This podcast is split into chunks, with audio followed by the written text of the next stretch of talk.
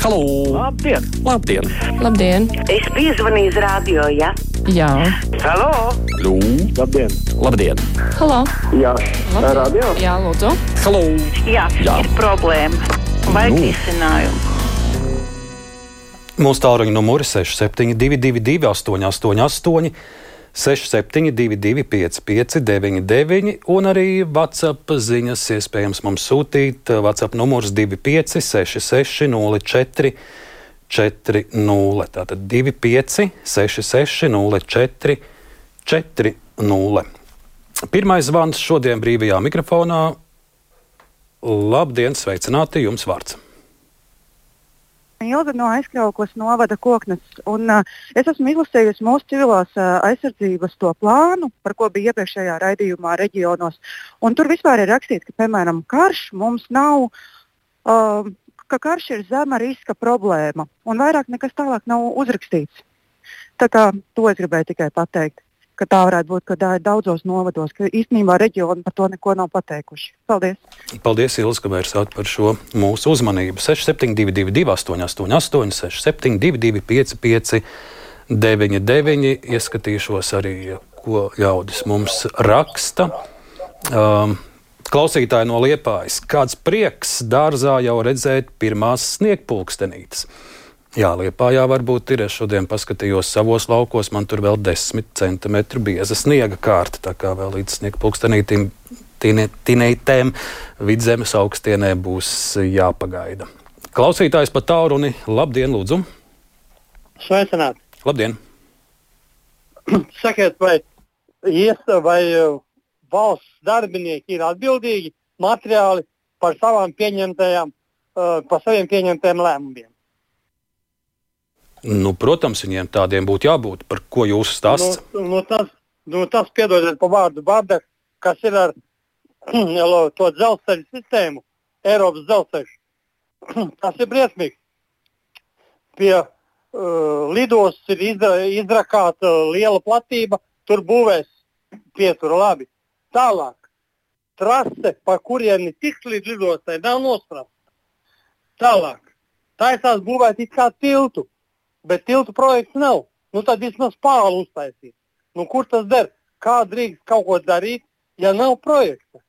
Un tas viss laiks iet, Eiropas naudas aiziet garām, un tagad ir kā jūt, ka mums paiet garām 500 miljonu Eiropas naudas. Mēs no savu budžetu nenosaksim.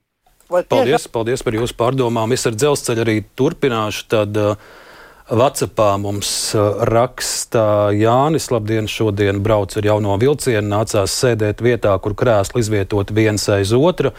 Un bija ļoti maz vietas. Man kā 192 cm garam cilvēkam bija ļoti nērti sēdēt. Normāli var apsēsties vien tur, kur sēž viens otram pretī vai invalīdiem paredzētajās vietās. Un arī jaunajos vilcienos Wi-Fi internets ir daudz sliktāks nekā vecajos, tukuma līnijā. Kopumā, ja varētu ielikt jaunos sēdekļus vecajos vilcienos, man personīgi vecie liekas labāki. Protams, ka jaunais ir klusāks, patīkamāks acīm un iekāpšana ir vieglāka, bet ērtuma ziņā man personīgi tie ir sliktāk. Tā raksta Jānis, 1,92 m šī ziņa Vācijā, kas man šeit patīk, Vācijā tas jauninājums, ka te var redzēt arī dažu rakstītāju fotografijas. Tā kā tas tā saziņa daudz personiskāk, un es tiešām redzu, ka rakstītājs Jānis ir gara auguma. Es ar saviem 1,94 m vēl neesmu bijis jaunajos vilcienos, tā kā nemācīšu teikt, kā manas kājas tur varētu justies. Klausītājs pa tālruni, labdien, jums vārds. Sveicināti! klausītājs. Es varbūt kādu laiku neesmu bijis un nemāku visas pogas pareizi spiest. Producenti jau man palīdzēs. Labdien, vai jūs mūs dzirdat? Labdien! Lūdzu, jums vārds. No tukuma. Uh, es tādu lietu par Grecovu, ka viņa krāpniecības nolūkā tika par deputātu, vai viņai nevajadzētu atmaksāt valstī naudu, ko viņi saņēma krāpniecības ceļā. Kā jūs domājat?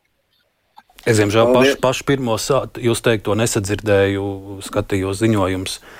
Grecovs, kas ir deputāts, ko viņa krāpniecības ceļā, ka, ka viņa nonāca par deputātu, un tagad viņai bija tiesa, un kad viņa par krāpniecību tika uh, atskaitīta. No ah, jā, skaidrs.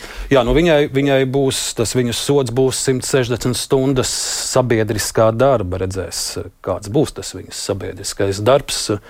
Viņai gan šķiet, ka nav daudz laika to darīt, jo viņa lielāko dienas daļu, cik es redzu, pavada TikTokā un sociālajos tīklos. Labdien, sveicināti, lūdzu! Labdien! Es pa vakardienas ziņu, ko es izlasīju internetā, pārtīru zalaku. Es vienkārši esmu šokā. Es nevarēju iedomāties, kad, kad viņš tik, tik ļauns cilvēks ir. Uh, pa viņu to stāv izrādi. Tas, tas ir ļoti pārsteidzoši, kas mums Latvijā notiekās. Un kā neviens neko nereaģē, ja viņam ir vairākas izrādes kurās viņš šādā veidā izsakās. Jā, paldies, kundze. Es arī internetu portālos šo stāstu izlasīju par aktieru stāvu izrādi. Nu, tas, kas tur bija rakstīts, tas man arī pārsteidz. Es arī saprotu, ka viņš lielāko uh, dzīves daļu šobrīd, šobrīd dzīvo Maskavā, un Rīgā ir tikai retums reižu. Labdien, lūdzu, jums vārds! Labdien! Laba! Varbūt viena reize var uzaicināt uh, tomēr Uh, mūsu sociālās palīdzības ministru par pensijām. Mēs taču vairāk nevaram izdzīvot. Mums nav par ko nopirkt zāles, mums nav, uh, nav par ko paēst. Nu, solīja divreiz, ne, divreiz gadā dot indeksāciju. Un nekā. Sev visi ceļi, bet vecie cilvēki, kas nodrošināja brīvību un neatkarību, tie lai mirst badā. Kundze, kā, kā jums pašai ir ar iztikšanu? Jums arī ir tādas reizes, kad jāvērš sociālajā dienestā pēc palīdzības? Nu, sociālā dienestā jau neviens nedos, ja tev ir, uh, ja tev ir dzīvoklis, ja tev ir, uh, ja tev ir kaut kāds tūkstots uzkrāts gadījumā slimnīcai vai vēl kaut kam. Neviens taču nedod. Lietojiet to, kas jums ir uzkrāts. Paldies par, par jūsu zvanu. Nākamais klausītājs sveicināt brīvajā mikrofonā. Halo. Lūdzu. Uh, labdien. Uh, es vakar skatījos TV24. Un uh, man vienkārši uh, drusciņi uh, nu, radās tāda doma, kā jūs domājat, Krausas kungs, šajā spriedzes situācijā, kāda ir. Runā visi par uh, drošību, par piekto kolonnu. Uh, Un uh, abi puiši uh, pateicībā par uh, ziedojumiem nopublicē televīzijā cilvēku sarakstu. Nu, es īpaši priecīgi nebūtu. Nebūtu, ja mans vārds tur parādītos, jo es jūs tos apdraudētu. Kā jūs domājat? Jā, nu tā droši vien būtu jābūt brīvai izvēlei, vai ļaudis vēlas, lai viņu vārdus publisko, vai, vai tie, kas grib palikt anonīmi, viņiem šāda iespēja būtu arī jādod. Paldies par jūsu pārdomām. No tā, ko ļaudis raksta, ir, ir Jānis atrakstījis, man nepamat sajūta, ka Eiropas zemnieki atrodas pamatīgā Kremļa propagandas iespējā, īpaši poļu lauksaimnieki, un to vēl pastiprina mūsu antivakseri, kas visu laiku raksta par fermeru nemieriem un cenšas tos uzkurināt sociālajos tīklos. Nu jā, vakar atkal bija ziņa, ka ka tie poļu lauksaimnieku aktīvisti uz lielceļa ir izbēruši no Ukrāņu kravas mašīnām Ukrāņu graudus. Man liekas, ļoti trāpīgi un simboliski. Pirms nedēļas viens no Ukrāņiem teica, ka šie graudi ir auguši uz laukiem, kur ir lījušas Ukrāņu asins. Var protestēt, var bloķēt robežu, ja kas nepatīk, bet kādēļ no Ukrāņu mašīnām mest ārā šos graudus, tas, tas man liekas, ir kaut kas prātam nesaprotams. Klausītāji mūsu tālruņa numurs 6722, 888, un 672, 559, Labdien, jums vārds! Halo, labdien! Lūdzu! Es gribēju tādu jautājumu. Mēs ļoti daudz runājam par palīdzību Ukrāņiem un pareizi, Bet vai ir dzirdēts kaut kas, ka varētu kādu nu, kaut primitīvu vārniciņu, kā palīdzēt eh, bērniem iemācīties? Te varētu iesaistīt gan pensionārus, skolotājus, gan jebkuru cilvēku, kas nestrādā, varbūt kam ir laiks un, un grib un mīlestība pret cilvēku. Vai tiešām nav tādas elementāras vārniciņas latviešu, ukraiņu? Paldies! Paldies, jā, ļoti, ļoti prātīgs rosinājums no jūsu puses. Labdien, jums vārds, sveicināti! Eh, labdien! Nu, divas lietas. Nu, tie poļu zemnieki un poļi vispār zina tiešām dusmas. Vai viņi, viņiem lūk, ne, uztrauc, negrib lēto Ukrainas produkciju? Bet es domāju, ka Latvijas zemnieki atkal negrib no poļu lētos ābolus un citus augļus. Ja? Uh, Tātad viņiem, kā saka, vajag būt teiksim, Eiropas Savienībā, Ukrainu var visādi tagad, ziniet, nu tiešām pilnīgs ārprāts. Jā, un, kundze, ziniet, lieta. es vakar vēl dzirdēju no prezidenta Zelenska, viņš teica, ka tikai 5% no, Ukraina, no Ukrainas graudiem paliek Polijā, tālāk visi tiek izvest tranzītā cauri, patiesībā tur ļoti, ļoti maz daļa pie poļiem paliek tikai. Ziniet, vēl viens jautājums mūsu knap, te, te, tiešām te jau izskanēja, ka viņi pilnīgi nedara neko. Tas jaunais vadītājs ir jādzen projām. Nu, tagad izlasu to, kad uh, Kurzemes apgabala tiesas tiesnesim par to, ka viņš savā atvaļinājuma laikā Dānijā uh, strādājis tur rūpnīcā un nopelnījis naudu. Ja?